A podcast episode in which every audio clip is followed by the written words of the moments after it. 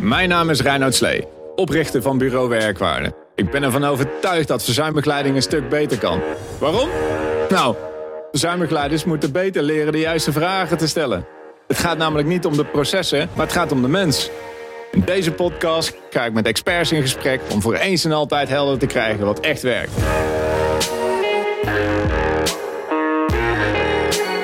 Dit is de Werkwaarde Podcast. Zo, podcast nummer drie. De Werkwaarde Podcast nummer drie met Martijn Meerwijk. Super tof uh, dat je er bent. Uh, we gaan het vandaag hebben over uh, leiderschap. en een specifiek, want het is Werkwaarde Podcast natuurlijk, over hoe leiderschap verzuim creëert. En hoe je leiderschap goed kan gebruiken om um, verzuim ook op te lossen. Maar voordat we in de diepte duiken, um, wie ben je? Met wie heb ik het genoegen? Ik ben Martijn Meerwijk, 51 jaar.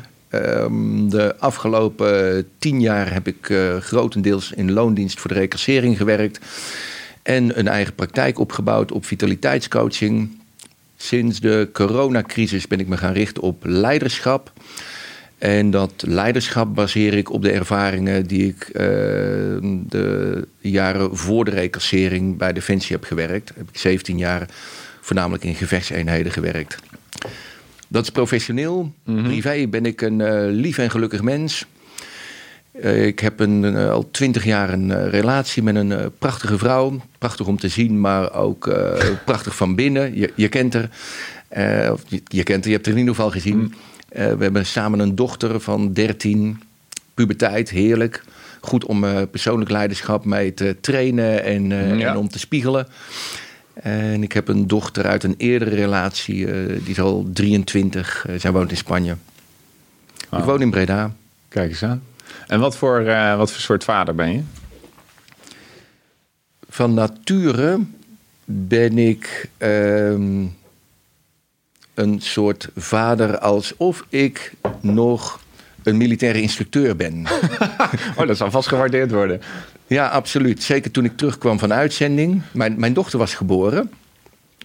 Een paar maanden later ging ik op uitzending voor een, een halfjaartje. Ik kom terug. Ik dacht dat de situatie nog exact hetzelfde was. Dat ik hmm. gewoon de vader was. Echter, nooit bij nagedacht. Een kind, als je daar vlak na de geboorte bij weggaat een half jaar later weet dat kind uh, niet eens meer wie ik ben. En, en al helemaal niet als ik nog even de regels en de normen die ik dan even zelf heb, uh, zet. opnieuw weer inzet. dus dat uh, heeft van alle kanten, voor, voor mijn partner, voor mijn dochter en voor mij, tot frustratie geleid. En daar heb ik in moeten leren. En daar leer ik nog steeds in. Um, vrijheid geven, uh, teleurstellingen opdoen, uh, frustratie opdoen, de puberteit waarin de vrijheid die ik geef uh, misschien niet eens genoeg is of, of misbruik van ja, gemaakt wordt. Ja. Hoeveel vrijheid moet je geven? Het, Hmm. het, is net leiderschap. Ja, dat wou ik net zeggen. En wat voor type leider ben jij dan? Dat uh, ik ben begonnen als directief leider. Uh, direct na mijn militaire opleiding. De meest makkelijke stijl van leider, uh, leiderschap. Of van leiding geven in ieder geval. Jij moet dit doen en zus en zo laat moet het afgelopen zijn. En uh, verder weinig eigen inbreng. En ja. daarna heb ik geleerd om meer participatief leiding te geven. En uiteindelijk, wat ik nu mooi vind, is om niet vanuit een stijl leiding te geven. Maar vanuit mijn eigen authenticiteit. En, en dat is ook waar ik op, uh, op coach en train bij, uh, bij leidinggevenden. Authenticiteit. Authenticiteit. Authenticiteit en daardoor uh, vrijheid. Dat is het einddoel. Dat je vanuit vrijheid van zijn ook vrijheid van handelen kunt geven aan je personeel. Dat leidt bij het personeel ook weer tot authentiek gedrag en vrijheid, mm. waardoor ze zich vrij voelen om hun werk te doen en binnen dat werk uh, hun, hun opperste zelf te zijn. Maar dan laat jij ze ook vrij in ook hoe ze het moeten doen. Je zegt gewoon, hey, dit moet er gedaan worden. Een soort debat, zullen we zeggen. Maar de hoe, dus hoe ze het moeten doen, dat is voor jou carte blanche. Ja, ja 100, uh, 100 procent. En daarna, als zij hun uh, plan presenteren of hebben een, terug, een tussentijdse terugkoppeling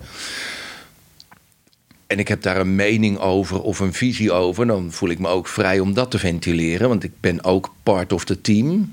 En uh, ik, ik, ik, draag ook wel verantwoordelijk, of ik draag uiteindelijk de verantwoordelijkheid voor het eindproduct. Alleen als het team dan besluit dat mijn inbreng uh, volkomen waardeloos is en zij kunnen dat ook goed beargumenteren, dan uh, vind ik ook dat ik mij daarbij moet neerleggen. En dat ik daarna uh, pas in de real life, als het product wordt, wordt, wordt toegepast, mm. dat ik dan pas moet gaan kijken wat of de voor- en de nadelen zijn van het toelaten van hun besluit. Ja, dus je laat dat ook los. En het kan dus eventueel zijn is dat jij een idee hebt van... nou, we gaan die kant op. Zo moet dat eruit zien. En dat het totaal anders wordt. En dat vind jij oké? Dat... Helemaal. Dat, dat moet ik van mijzelf oké vinden. Dat wil ik van mijzelf oké vinden. Want je zegt, je laat het los. Ik laat het los in zoverre dat ik met samengeknepen beeldspieren zit te kijken wat er nou allemaal gaat gebeuren, weet je wel. Dus ik vind het wel spannend. De, de, de manier van, deze manier van leiding geven is gewoon spannend. En dat uh, vereist van uh, de leidinggevende uh, moed en, en vertrouwen in jezelf en vertrouwen in het team. Maar het, blijft, het blijft spannend. En, en ook als ik het ergens niet mee eens ben, maar we gaan het toch op de manier doen die het team uh, voor ogen heeft. Dan, uh, ja, natuurlijk, dat geeft onrust. Maar des te vetter is het om daarna, als het wel werkt, zoals het team wil, uh, te moeten toegeven van ja, verrek gasten, jullie ja. hebben echt gelijk. Wat, wat, ik hier zie, dat is fantastisch. Waardoor het team zich nog meer gewaardeerd, gewaardeerd voelt. En waardoor ik zelf weer een, een stukje verder ben opgeschoven in mijn groeiproces. Ja, want is leiderschap dan een rol? Of is leiderschap uh, hiërarchie? Het is geen rol en geen hiërarchie. Nou, dat moet je eens uitleggen. In uh, het begin van je, je rol als, als leider of als manager, dan, uh, dan is het een, een rol of een hiërarchie. Het is iets wat je, wat je hebt geleerd, wat je toepast. Um, wat, wat misschien uit boekjes komt, wat je uit ervaringen van ja. andere mensen hebt geleerd. Daar, uh, ga je of, uh, daar ga je af en toe finaal de bietenbrug mee op. Soms krijg je uh, daverend succes met, met iets en dan blijf je dat vaker toepassen. Dan kom je erachter dat dat niet in alle situaties toepasbaar is. En dan ga je er alsnog weer de bietenbrug mee op. Dus het is echt een, een continu leerproces. En dat heeft met leiding geven in de zin van manager te maken. Van, van taak verdelen, de juiste man op de juiste plaats. Uh, duidelijk grenzen stellen of duidelijk openheid geven. Maar het heeft uiteindelijk heel veel met jou als persoon te maken. Hoe je jezelf ondergeschikt kunt maken aan het einddoel wat jij of jouw organisatie voor ogen heeft. En als jij daar dienend, dienend voorwerp van bent, als jij een mm. dienend middel bent voor dat einddoel, dan noem ik dat geen uh, hiërarchie of geen rol meer. Dan is het een, een, een mindset waar je, waar je in meegaat. En dan is het iets wat vanuit jezelf moet komen, vanuit jouw authenticiteit. Is leiderschap dan een keuze? Leidinggever of manager, dat, dat is een, een bewuste keuze. Dat, mm -hmm, ja. Denigerend ge, gezegd zou ik dat een trucje kunnen noemen, wat, wat iedereen zou kunnen. Management. Management, hè, ja. wat taken verdelen en wat met Excel-bestandjes schuiven, mm -hmm. dingen, dingen inroosteren. Maar leiderschap, um, dat, dat hoeft helemaal geen keuze te zijn. Dat, dat kan ook gewoon van nature al heel erg in je zitten als het op een gezonde manier is. Er zijn ook mensen die kunnen zich heel dienbaar of verdienstelijk opstellen naar een organisatie of naar personen toe. Mm. Als dat uit een verwrongen gedragspatroon komt, omdat je graag gezien wil worden, omdat je graag credits wil, wil krijgen. Uh, door je uh, nederig op te stellen, hè, dus dat dat een neg negatieve kant heeft, dan, uh, dan, ja, dan, dan, dan zie ik dat dan toch minder gunstig. Um, als het echt uit jezelf komt, als het is wie jij bent en, en je hebt daar verder nog maar weinig in te leren, hey, dan, uh, dan, dan, dan is dat wie je bent. Dan is dat mooi. Ja. Ik zie inderdaad wel eens teams en die, uh, die hebben dan een officieel leidinggevende of er is een iemand binnen dat team die die rol heeft gekregen. Maar als je nou gaat, echt gaat kijken wie heeft nou invloed zeg maar, op die dynamiek en hoe ze handelen en wat er gedaan wordt, is dat soms een heel iemand anders. Ehm, wat ik dan heel erg nieuwsgierig aan ben, voor, dan, dan lijkt het wel eens dus of die keuze, zeg maar, wie dan de leider is, als je dat in de traditionele zin zou willen zien, dat dat helemaal niet de keuze is van die persoon, maar dat dat keuze is van het team. Je bedoelt degene die uh, officieel uh, de leider is? Dat dat niet de keuze is? Nee, nee de, dat, dat, kan je, dat kan je zelf misschien nog wel beslissen, mm -hmm. wie dan de formele leider is. Maar wie het echte leiderschap heeft, dat is volgens mij niet zozeer de keuze dan van die persoon, maar dat is meer de keuze van het team. En je kan er natuurlijk voor kiezen om de formeel leider ook te accepteren als zijn de leider. Maar ja, ik merk ook vaak in teams dat er gewoon iemand anders is die dan achter de schermen eigenlijk de scepter zwaait. Ja, ja, ja de, de informele leider. Ja. Die vanuit, uh, eigenlijk vanuit persoonlijk leiderschap en daar ver in gevorderd is, uh, een positieve invloed kan uitoefenen op het team. Ja, positief ja. Ja, leiderschap is niet altijd positief, toch? Of, of... Als je je je leiderschap in negatieve zin in zou zetten, dan, dan zou ik het ook geen leiderschap willen noemen. Dan, dan zou ik het eerder uh, manipulatie noemen. Of, uh, ah ja, op die manier. Of, of, of onderdrukking van mensen. Uh, elke medaille heeft zijn, zijn schaduwzijde natuurlijk. Dus dat, dat heb je met leiderschap ook. Misbruik, manipulatie, onderdrukking, machtsmisbruik. En machtsmisbruik hoeft niet te komen uit het feit dat jij de, de aangestelde leider bent, de functionele leider. Dat kan ook zijn dat je gewoon heel veel invloed kunt uitoefenen op mensen vanuit je gave om uh, mensen te lezen of om, om mensen te beïnvloeden. En, en dan, dan vind ik het niet juist om het nog leiderschap te noemen. Nee, want dit is wel een belangrijk punt voor je. Hè? Ik bedoel, je bent niet voor niks met je bedrijf begonnen, krachtzat. Je geeft leiderschapstrainingen omdat je zeg maar, dat ook goed wil ge laten gebruiken. Waarom is dit belangrijk voor je? Uh, wat bedoel je met dit? Uh, die, je geeft leiderschapstrainingen. Je had alles kunnen doen in de wereld, maar hier heb je voor gekozen om die leiderschapstrainingen te geven. Ja. Waarom? Omdat ik het zonde vond om de ervaringen die ik bij Defensie opgedaan heb te laten liggen. In die 17 jaar dat ik daar uh, gewerkt heb, heb, niet altijd in de meest ideale omstandigheden. Uh, uh, geografische problematiek in de zin van, van, van weersomstandigheden. Een, een kou, warmte, maar ook in de zin van praktische omstandigheden. Onvoldoende te eten of te drinken krijgen. Zware inspanning leveren. Midden in de nacht werken. Terwijl je niet gezien mag worden eigenlijk vies, smerig werk doen waar, waar, waar niemand op zit te wachten. Wat, wat heel veel met afzien uh, van doen heeft. En dan toch zelf overeind blijven als, als persoon in die uh, vijandige omstandigheden. Maar ook nog voor je team blijven staan en, en zorgen voor je team. Niet alleen in de zin van uh, een, een goede actie uitvoeren waarin alles loopt zoals je dat had gewenst. Want dat is een illusie. Dat, dat werkt natuurlijk nooit zo. Elk plan sneuvelt bij het eerste schot en dan moet je gaan improviseren. En dan komt het eigenlijk aan op, op leiderschap. Dat, dat mensen gaan doen, gaan handelen in, in, in jouw visie. Terwijl je ze niet direct kunt aansturen. Er wordt geschreeuwd, er wordt geschoten. Je zit ook zo ver van elkaar af dat je geen aansturing kunt geven op dat moment. En dan moeten mensen wel doen wat jij maar hoopt dat ze gaan doen. Ja. Um, en die ervaringen die, die ik bij Defensie heb opgedaan, die zijn vrij uniek. Dat vind ik raar om te zeggen, want ik vond het hele gewone ervaringen, omdat ik geen. Als je erin zit, is het heel normaal, denk ik. Ik had geen ander beeld. En naderhand blijkt dat, eh, dat, uh, dat die ervaringen heel nuttig kunnen zijn voor andere organisaties, voor het bedrijfsleven, uh, voor zorgorganisaties. En dat wil ik combineren, en dat, dat is wat, nu, wat ik nu aan het doen ben, met de inzichten die ik heb gekregen op uh, gedragsverandering, op uh, het, het, mensbeeld, wat ik in uh, de jaren bij de reclassering en in hmm. mijn coachingspraktijk heb opgedaan.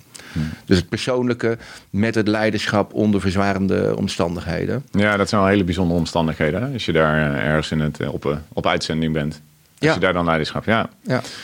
Heb je daar ook wel eens te maken gehad met, ehm, ja, met verzuim? Hè? Dus mensen die door uh, de omstandigheden gewoon niet meer in staat waren om uh, het werk te doen, zeg maar? Absoluut. Hoe ging je daar dan mee om? Absoluut. Ik geloof, ik, ik heb het onderzoek niet bij de hand hoor, maar ik, ik, geloof dat in oorlogsomstandigheden, in de Tweede Wereldoorlog is er vrij veel onderzoek naar gedaan. Ik geloof dat iets van uh, 80 of 90 procent van het personeel uitvalt vanwege stress of ziekte.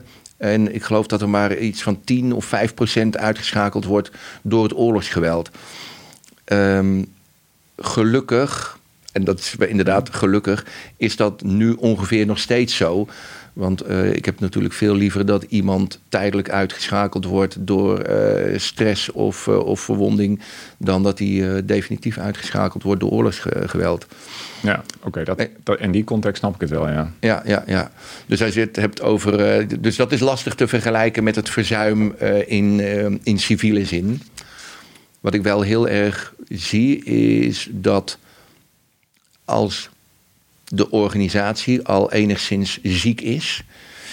In de zin van dat er heel veel bezuinigingen zijn. Een, bij Defensie een periode waarin er veel bezuinigingen zijn. Waarin er uh, uh, klachten zijn over het leiderschap. Heel belangrijk voor militairen te velden wanneer er klachten zijn over het eten. Klachten over de uitrusting. Klachten over de munitie. Um, dan heeft dat direct zijn invloed op het, uh, op het personeel. In eerste instantie gaan mensen klagen. Er wordt altijd gezegd, klagende mensen is goed. Die hebben tenminste passie voor hun vak.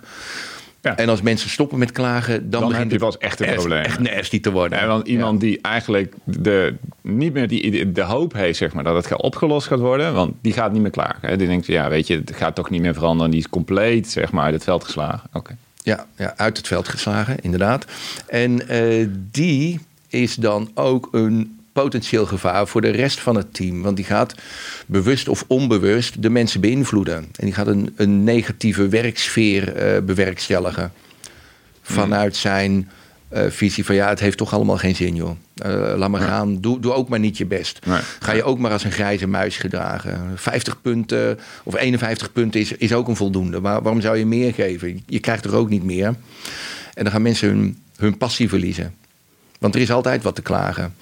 Um, er, er, is altijd een keertje eten te velden wat je niet lekker vindt. Uh, er is altijd een keertje dat het eten koud aankomt. En als dat je hele dag kleurt, als, als je dat gaat meer waarde gaat geven dan de, de groepsdynamiek, dan de samenwerking, dan de toffe dingen die je, die je doet.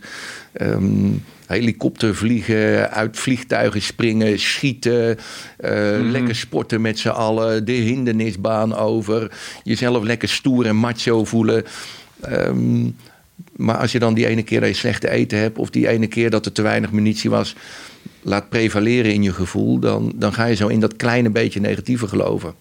Oké, maar nu kan het natuurlijk voorkomen als je in een leidinggevende functie zit, dat je, dat je team dit overkomt. Dus dat er iets is of niet werkt. Of ja, je kan dat niet altijd voorkomen. Hoe ga je er dan mee om? Want je ziet een van, jou, van jouw mensen, of waar je verantwoordelijk voor bent, die zie je daar naar een onderdoor gaan. Of dat hij daar heel veel moeite mee heeft of zo. Hoe, hoe pak jij dat dan aan?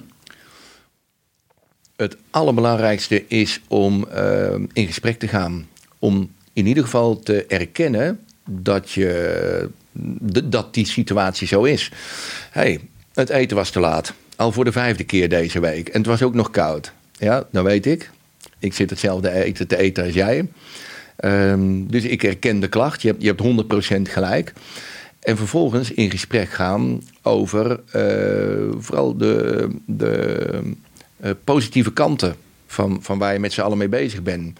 En ook weer uh, hoop geven op een betere toekomst. Nu is dit misschien een, een, een vaag voorbeeld hoor, het eten. Want, uh, daar, ga je niet aan onderdoor. Maar ik nee, pak het maar eventjes als, als tastbaar iets. Uh, en bijvoorbeeld erop uh, zinspelen. Hé, hey, maar uh, van het weekend staat er een lekkere barbecue gepland, kerel. Dan hebben we een weekendbreak komen we eventjes uit het oefenscenario. Zitten we op een kamp, een lekkere vaste bed in plaats van op de koude natte grond in het bos slapen. Dan uh, doen we een barbecue'tje, drinken we gezellig een biertje en dan, uh, dan praten we ook weer eventjes bij. Dus gewoon iemand ondersteunen. Het laatste wat ik zou doen is zeggen: joh, kerel, je moet gewoon je kop dicht houden. Je moet gewoon dienen, want je krijgt hiervoor betaald. Daar heb je zelf voor gekozen. Wist je van tevoren, Want je mag al lang blij zijn dat je überhaupt wat te vreten hebt. Dat, dat werkt natuurlijk niet. Al denk ik dat soms wel eens, want mijn belevingswereld is van, uh, misschien wat ouderwets, van kopdicht en dienen. Dus ik kan mij daar vrij gemakkelijk over, uh, over tegenvallers heen zetten. Ja, maar dat, dat zijn jouw normen en waarden. En waar natuurlijk verzuim ontstaat en stress en allerlei dat soort klachten, is als, er, als dat botst. Ja. Toch? Ja, dus ja. als de normen en waarden van de leidinggevende of van de organisatie niet hetzelfde zijn met die medewerker. Hartstikke goed. En die hoeven ook niet hetzelfde te zijn, want niet alle mensen kunnen dezelfde normen en waarden hebben. Ik denk wel dat het prettig is voor de medewerker zelf als zijn normen en waarden binnen de missie en de visie van de organisatie of het bedrijf passen. Want anders wordt het nog heel lastig om je te verbinden aan de organisatie. Maar dat je binnen een team of een organisatie verschillende meningen kunt hebben, verschillende normen en waarden. Ik denk dat dat juist de meerwaarde kan zijn. Als je als leider ver genoeg bent in je proces om dat ook te onderkennen. Dus die kerel die altijd loopt te klagen Ja. over het eten. En wat nou alweer de vierde of de vijfde week is. En daar kan ik er zelf helemaal niet goed van worden. Komt hij weer aan met zijn verhaal. Oh ja, hij komt naar me toe gelopen. Ja, hou jij dan je gezicht recht? Want dan, bedoel, intern gebeurt er denk je toch, jeetje, oh, daar komt hij weer hoor. Ja, ja, maar ik kan het ook gewoon zeggen. Ik kan ook gewoon zeggen, kerel, ik zie je aankomen. Ik denk, oh oh, hij gaat weer over het eten beginnen. Ja. Hey. Oh, jij, jij, jij zegt dat gewoon. Dat, Ja, kan, dat kan, dat kan. Ja. Dat vind ik zelf vaak fijn om mij te uiten. En dan Mhm. een beetje met een, een grappig tintje eraan. Humor. Maar wel dat hij merkt van, oh, hé, hey, ehm, ja, de, de baas die ziet me aankomen, joh. Oh, maar hij lacht er ook een beetje om. Hij, hij durft er een grapje over te maken. En hij erkent dat ik al vier weken lang met een probleem over eten rondloop. Dus Ja. ik Dus herken hem ook door het te, het te probleem. benoemen. Ja. Door Ja. Eh, een vuist van mijn hoofd te maken. En een beetje een stoere bek te trekken. En te doen alsof niks mij raakt. ehm, dan, dan hou ik alleen de schone schijn op. En ik denk dat je dat juist niet moet doen. Dus door die, die, die klacht te erkennen. Het ook te zeggen van joh, maar ik vind ook weer wat van jouw klacht. Maar dat maakt helemaal niet uit. We gaan er wel over in gesprek. Want misschien is die kerel wel heel waardevol als het gaat om bepaalde dingen van punctualiteit. Of misschien weet hij heel veel over eten en, en misschien kan hij wel fantastisch koken. Ik was op uitzending in Bosnië, dat is al best wel lang geleden dat dat speelde. Ik had een plaatsvervangend groepscommandant, die, die nam mijn taken waar eh, al- als ik er niet was. We kwamen op een locatie waar we helemaal op onszelf aangewezen waren. Ja, geen kok dus. Geen kop. die man die had. Nou, toevallig dat we hierop komen. Toeval bestaat niet. Maar die man die had dus een duidelijke mening over het eten wat er wel was. Dat waren met name rantsoenen. Dat hij zei: Martijn, je kent me wat. Ik heb eh, twee jaar op een een onderzeeboot in een heel klein rottig keukentje. Voor de hele onderzeebootbemanning gekookt. Maak me niet wijs dat ik hier niet voor 60 man in een best wel riante keuken van een huis waar we gehuurd hadden. kan koken voor de hele club. Dus als jij zorgt voor een andere plaatsvervanger, maakt me niet uit wie, dan offer ik me op om een half jaar eh, te koken.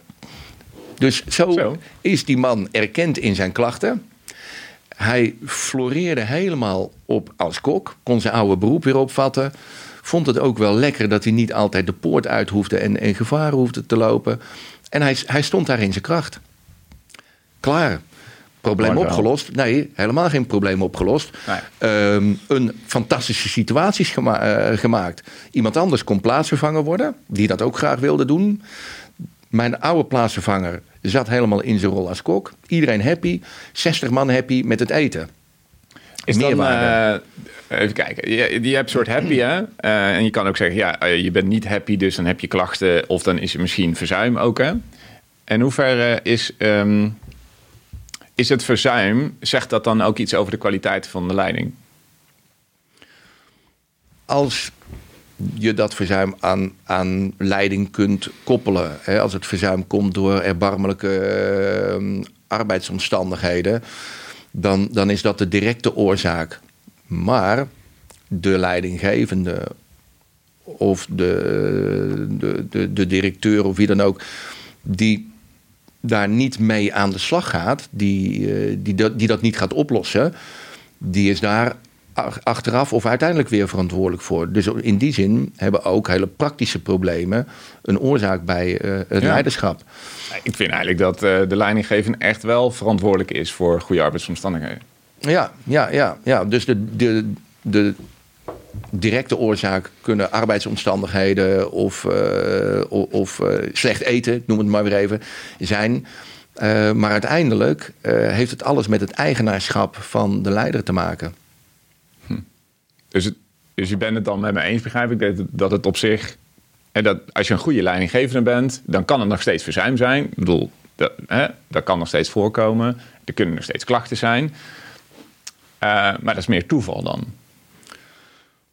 Ja, of dat, dat zou dan buiten je macht als leider kunnen liggen. Hè? Dus iemand uh, fietst naar zijn huis en uh, struikelt over een tak door zijn wiel en, en, en blesseert zijn hand. Dan ligt dat buiten je macht. Dan is dat toeval, zoals je dat noemt. Pech. Of, Maar ik denk dat je als ehm, leider er wel naar moet streven om je arbeidsverzuim, arbeidsgerelateerd verzuim, om dat echt ehm, eigenlijk naar, naar nul te dwingen. Ik, ik hoor wel eens van ja, we willen voor volgend jaar willen we het uh, verzuimpercentage met uh, 1 of 1,5 procent terugdringen. Van, uh, van, van 7 naar 5,5. Ja, waarom, waarom weer naar 5,5 dwingen? Je wilt toch ook niet. Um, de, de, de, de sterftegevallen in je familie met de helft reduceren. Nee, uiteindelijk wil je het liefst dat er helemaal niemand overlijdt in je familie. Dus die, die anderhalve procent, ja, want het moet wel haalbaar zijn. Oké, dus we gaan alleen iets doen als we zeker weten dat we het halen. Dat is natuurlijk klinkklare onzin. Dat is uh, gewoon succes inkopen. Dus ik, ik denk dat je als bedrijf moet streven naar 0% arbeidsverzuim. Heb je dat wel, dan moet je naar, je, naar jezelf gaan kijken. Hmm. En hoe werkt, dat, um, hoe werkt dat nou in teams die uh, zelfsturend zijn? Ik bedoel, leiderschap is overduidelijk, of in mijn idee is dat leiderschap overduidelijk een thema daar. daar hè? Uh, maar je hebt niet een leidinggevende in, in die traditionele zin. Ja, ik ben um, in ik, ik ben niet echt een voorstander van uh, zelfsturende teams of, of high-performance teams. Als dat niet als dat niet is met personeel wat erop geselecteerd en, en op getraind is. En waarop de organisatie ingericht is. Ik ken organisaties die in hun oude structuur zijn gebleven. Daarin onder voor mij valse voorwenselen, bezuinigingen. Mhm. De uh, managementlaag uitgedund hebben. Uh, heel veel managementtaken naar uh, het uitvoerend niveau hebben gestoten. Als een soort verkapte bezuinigingstruc. Die mensen hebben dat zo op een bordje gekregen. Misschien is iemand een, speelt iemand in een orkest, is een hele goede violist. En dan opeens moet hij bij het vioolspelen de sales gaan doen dat is natuurlijk uh, heel raar. En, en dat past misschien helemaal niet bij die persoon. Dus ik denk. Um, ik, ik, ik, denk dat je met uh, zelfsturende teams of high-performance teams heel goed een bedrijf kunt laten draaien. Als het bedrijf, de structuur, het personeel erop ingericht is. En als het leiderschap dat ook kan. Ik denk niet dat je met de manager van vorige maand deze maand opeens een zelfsturend team kunt hebben. Ja, want wat vraagt dat? Eh, want er, is vaak, zeg maar, ik, althans ik zie vaak dat je een soort zelfsturende teams hebt. En uh, ja, dat moet dan passen binnen een organisatorische uh, uh, formatieplek. En uiteindelijk is er wel iemand eindverantwoordelijk. Hè? Er is altijd wel iemand. Maar alleen, ja. zelfsturende teams is dat meestal een enorme achterban. Hè? Dus één HR-manager of één, uh, die heeft dan 300 man of zo eindverantwoordelijk. En daar zitten allemaal teams onder die dan zelfsturend zijn. Ja. Maar hoe ziet het leiderschap binnen die teams er dan uit? In ideaal opzicht of in de werkelijkheid? Wat? Net is een goede inderdaad. Nou, laten we eerst eens kijken naar het ideaal opzicht. En dan denk ik dat we vanzelf uit, uitkomen bij hoe het vaak in de praktijk is. Ja, ja.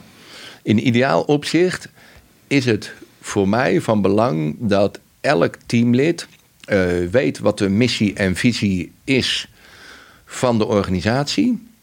En dat hij zichzelf daaraan gecommitteerd heeft.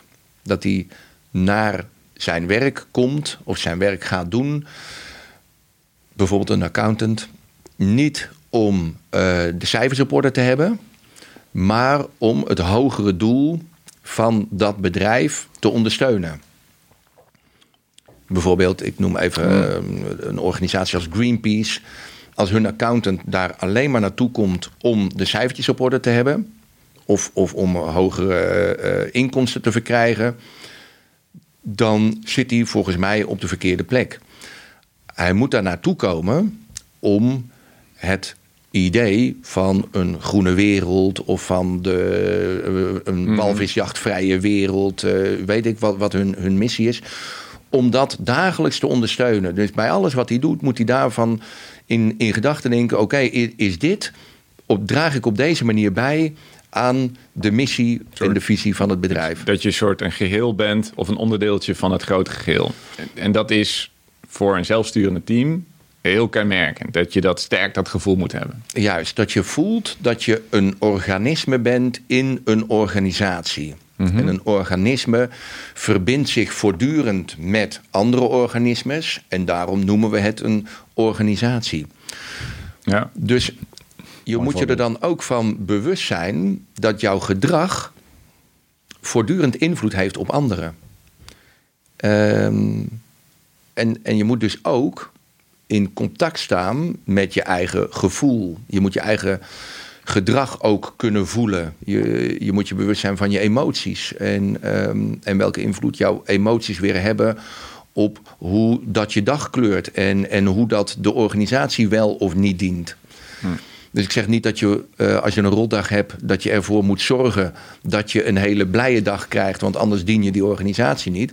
Maar je moet je er wel van bewust zijn wat jouw gevoel is die dag. Oké, dus een onderdeel van het geheel zijn.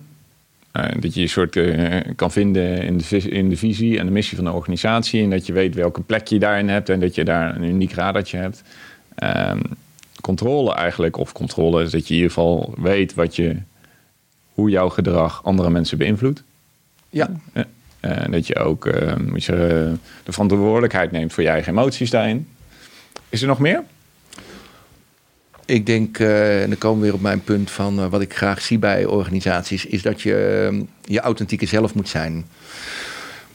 Zeker als er geen controle of sturing van bovenaf plaatsvindt, is het van essentieel belang dat je je vrij voelt om te zijn wie je bent. Want pas op dat moment ben je van meerwaarde voor een organisatie.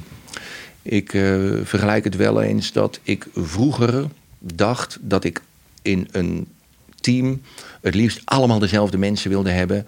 Die allemaal hetzelfde dachten. Die allemaal een vuist van hun hoofd kunnen maken. En die hun eigen belang volledig kunnen wegschrijven. En dwars op de kogels af zo de dood inrennen als ik dat van ze vraag. Hmm. Inmiddels heb ik geleerd dat het uh, heel waardevol is om ook een beetje een gast die misschien een beetje truttig is, die helemaal niet dapper is, wat een, misschien een beetje een lafbek is eigenlijk, om die in je team te hebben. Want die helpt mij om niet dwars op die kogels af te rennen. Die zegt: Hé hey Martijn, dat is heel dom, dat idee van jou. Je kan er ook een beetje omheen lopen. En dan uh, kun je die lui langs de achterkant aanvallen. Oh, oké.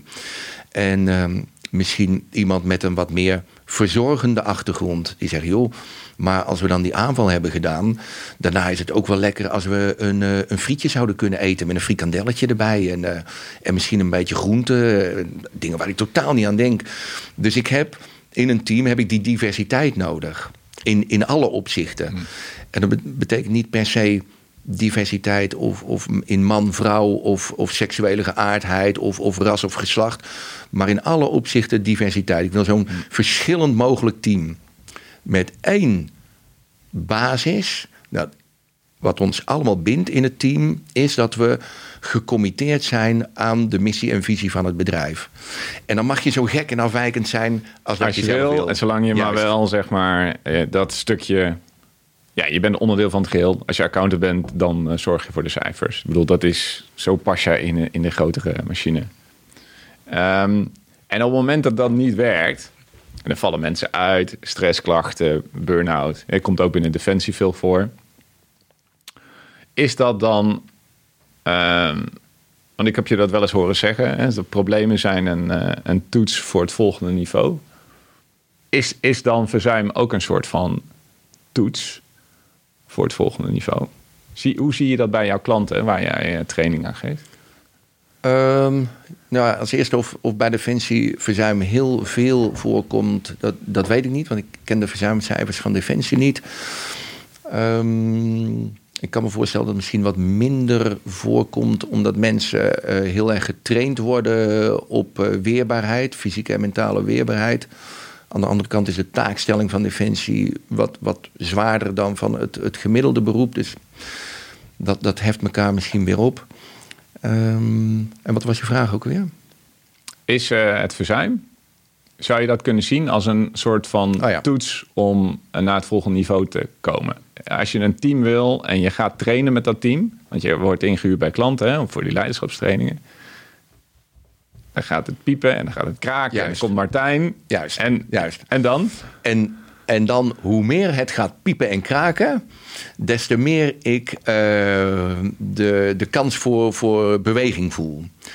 Als je vanuit eh, piepen en kraken angstvallig stil blijft zitten, rust roest. Zo werkt het eh, met je lichaam, zo werkt het ook binnen de eh, organisatie. Dus bij klachten moet je voor, is dat vooral een kans om vooruit te gaan. Klachten eh, zijn puur een, een, een signaal. Heb je ergens pijn aan je lijf, dan is dat een signaal dat je misschien iets niet goed hebt gedaan of dat je iets hebt overbelast. En zo werkt het binnen je organisatie ook. Dus die verzuimklachten, die moet je hartstikke serieus nemen, want dat geeft je juist mogelijkheid tot groei. Dus als je het voor die persoon fixt, die, die zit in het verzuim of die klaagt misschien of die heeft ergens last van. Als je het voor die persoon kan verbeteren, dan verbeter je het misschien ook voor de rest van het team. Sterker nog, misschien is het wel een soort van cruciaal signaal voor dingen die miszitten binnen die organisatie. Ja, waarbij je wel eh, bewust moet zijn van eh, de individuele klacht. En die zul je dan moeten toetsen of dat eh, de bron van die klacht. Of dat ook door de hele organisatie zo wordt ervaren. En of dat een verbeterpunt zou kunnen zijn. Het kan natuurlijk ook zo zijn ehm, dat verzuim echt een individueel iets is. En dat blijkt dat die persoon helemaal niet op zijn plaats zit binnen de organisatie. Misschien ehm, kan die buiten de organisatie veel meer tot zijn recht komen. En lijkt me ook nobel om iemand daarin te faciliteren.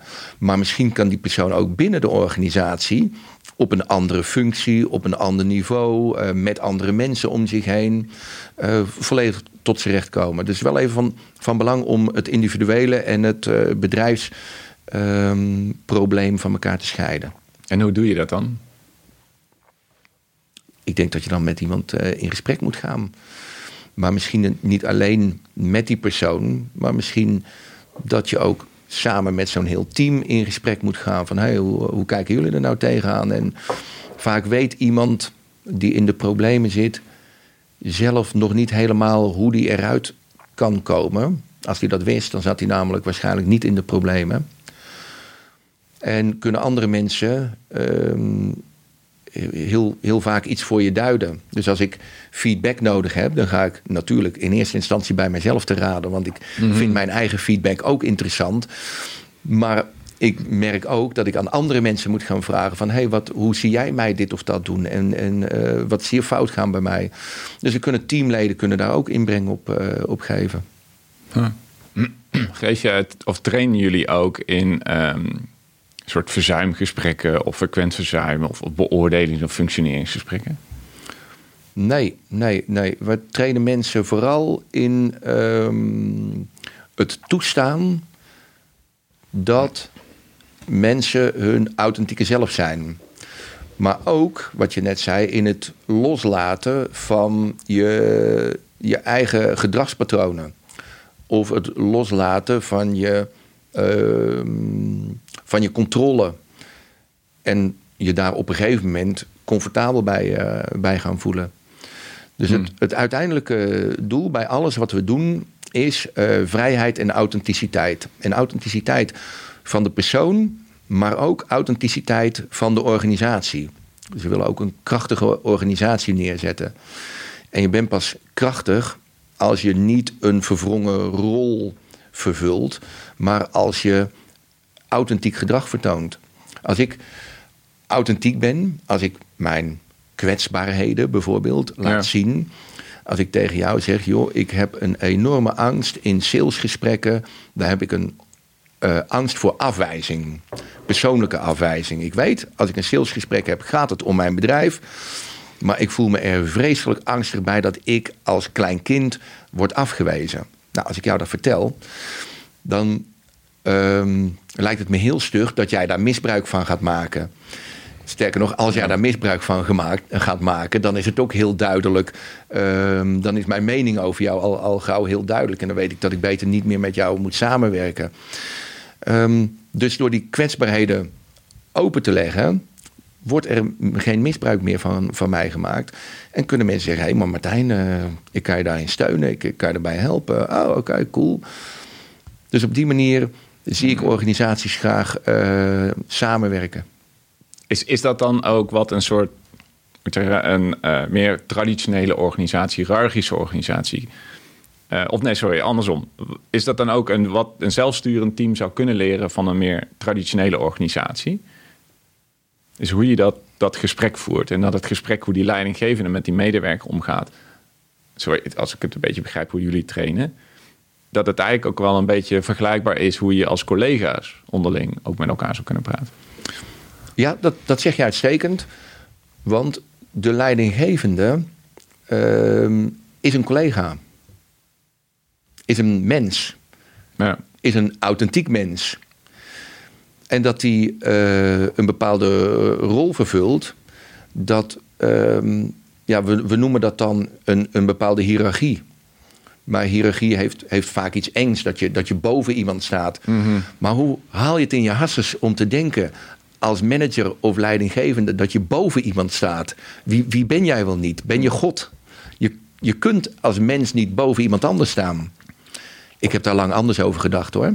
Maar uh, gelukkig heeft de leeftijd en de ervaring mij nu bijgebracht. Het is onmogelijk om je boven iemand te verheffen. En wat, uh, dat is mooi. Dankjewel.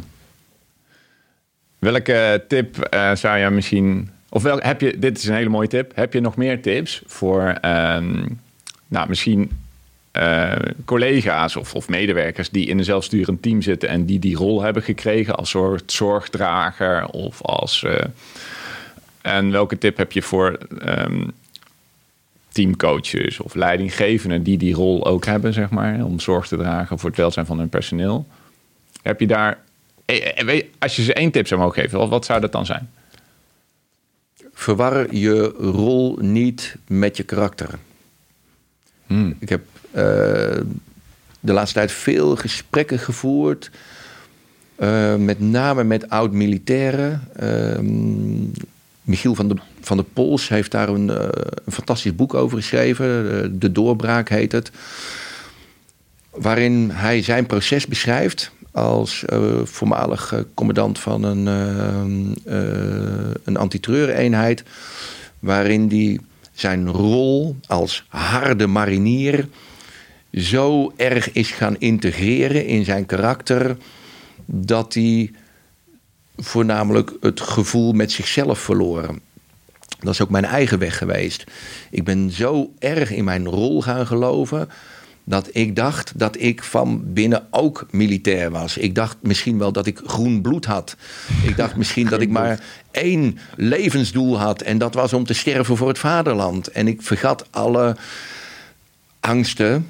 En dat is best lekker. Maar ik vergat ook alle verdriet. En ik vergat ook om mij af en toe. Uh, ja, zoals dat dan genoemd wordt, kwetsbaar op te stellen. Dus ik benam mijzelf mijn eigen leerweg. En dat is dus mijn advies. Eh, verwar je rol, Rol. niet met je karakter. Blijf, blijf jezelf. Komt u weer. Authentiek zijn. En dat is dus de invloed van leiderschap eh, op verzuim. En op, leiden, en op het voorkomen eigenlijk van verzuim. Door inderdaad authentiek te zijn, dan, daar ook voor te durven uitkomen. Zowel als leider, maar ook als, als, als medewerker. ehm, ga je uiteindelijk een, een werkwereld voor jezelf creëren. waarin je helemaal op je plek zit. En door in een team te zitten en te denken: joh, ik kom hier helemaal niet tot mijn recht, ik ga hier aan onderdoor. Dat te delen met je teamgenoten. En dan kun er samen een oplossing voor maken. En misschien is die oplossing wel: oh, je krijgt een andere rol binnen het team. Oh, hey, maar eh, nee, dit team eh, past eigenlijk helemaal niet eh, bij jou. Wat zou je ervan vinden om eens, weet ik veel, stage te lopen bij een ander team en daar te rond te snuffelen of, of dat wel meer eh, jouw ding is? Oké, prima.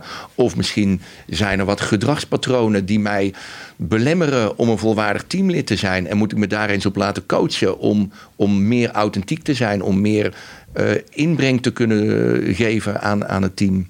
Ja. En, en daardoor dus meer voldoening te ervaren, te kunnen shinen.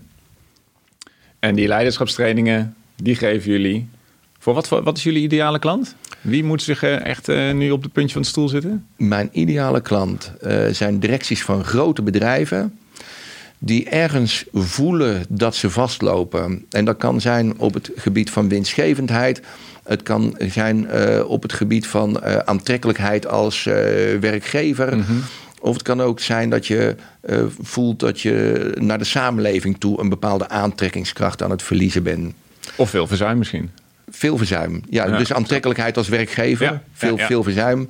Ehm, die klanten en dan ook het liefst grote bedrijven. Want ik wil, het heet niet voor niks kracht zat. Ik wil impact maken. Ik Duidelijk. wil eh, voorwaarts gaan en eh, rammen met mijn kadaver. Dus ik, ik, ik denk groot, ik wil groot. En, en die invloed op die vrijheid en authentici- authenticiteit... die wil ik ook echt groot hebben. Oké, en hoe ziet dat programma bij jullie eruit? In vogelvlucht? In vogelvlucht gaan mensen 48 uur lang ondergedompeld worden in een wereld die ze niet kennen. Dat is het idee alleen al, is hartstikke spannend. Het programma is voor de deelnemers onbekend. Maar het komt erop neer dat mensen zichzelf nog veel beter leren kennen. Hun hele bestaan wordt even op zijn kop gezet. De piramide van Maslow wordt door elkaar geschud. Dus we zien wel hoe het zit met eten en met slapen en inspanning. Daar weet je helemaal niks. Eh daar is helemaal geen, geen zekerheid van. En ehm, dan komt het primaire gedrag wat je nu eenmaal hebt, hoe ver of je ook bent op je levenspad, komt naar boven. Dan gaan we kijken hoe zich dat verhoudt binnen het team. En, of mensen, en we gaan mensen uitnodigen om open te zijn naar hun teamgenoten over hun primaire gedrag. Zo. Dat vereist nogal wat lef. Dus Zo, als je eh, directeur van een groot bedrijf naar je ehm, directieleden moet gaan vertellen van joh, ik doe eigenlijk dit en dat en dat doe ik door de week ook en eh, daar belemmer ik onze bedrijfsprocessen een beetje mee. Dus ik ben soms een obstakel voor onze eigen processen. Dan moet je echt ballen hebben. En daarin gaan we mensen ook ondersteunen. Om dat soort moeilijke stappen te durven maken. Wauw, mooi programma. Als die weg open ligt, dan worden mensen in aanraking gebracht met een eh, nieuw bestuursmodel. Zoals dat binnen Defensie gebruikt wordt. Opdrachtgerichte commandovoering heet dat. Waarin eh, verantwoordelijkheden op het laagste niveau belegd worden. eh, vrijheid van handelen en, en vrijheid van zijn gegeven worden. En maximaal aangestuurd wordt op eigenaarschap van afdelingen, van personeel. En dat alles in 48 uur. Zo. Dus eh, het is hard werken voor de deelnemers en hard werken voor de instructeurs. Ja, hartstikke mooi. Hey, en eh, waar kunnen ze jou vinden? Of waar ben jij allemaal te vinden? Ik ben te vinden eh, via onze website Krachtzat, www.krachtzat.nl. Ik ben te vinden op LinkedIn, social media's, Facebook en ehm heet dat andere? Instagram. Ook nog? Ja. Hartstikke mooi. Nou, vorige gastspreker was Jorik Seijs. Die, ehm, die vroeg zich voor jou af. ehm, hoe zeg ik het nou exact? Ik had het hier nog meegenomen. Ehm, wat uh, hiërarchieke organisaties kunnen leren van uh, platte organisaties. Ja, en of andersom. Versa. Ja. ja. Volgens mij hebben we die behandeld. Ja. Uh, in onze volgende uitzending komt de NLP-trainer uh, Bouke de Boer.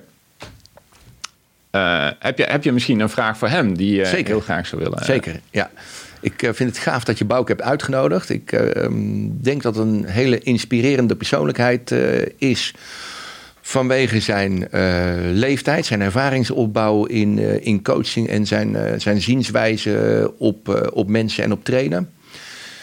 En ik wil heel graag van Bouke weten hoe je bij organisaties of bedrijven de controlebehoefte en de angst kunt wegnemen. En wat, hmm. je daar, wat je daar dan voor in in ruil geeft aan het bedrijf. Dus wel een soort organisatorisch gezien, bedoel je dan, hè? Of op individu gezien? Dat kan organisatorisch zijn, maar dat heeft alles met het individueel denken van de leiders te maken. Ja, mooie vraag. Dankjewel. Dankjewel ook voor deze podcast. Het was weer, uh, was weer een waar genoegen. Volgende podcast is met, uh, met Bouke de Boer over uh, eh, NLP. En over ja, volgens mij komt leiderschap dan wel weer, weer terug. Dus, uh, super, dankjewel Martijn. Jij ook bedankt. Bedankt voor het luisteren naar de podcast. Wil je meer weten over een effectieve verzuimaanpak? Download dan mijn e-book over de 7 oorzaken van te hoog verzuim op werkwaarde.nl.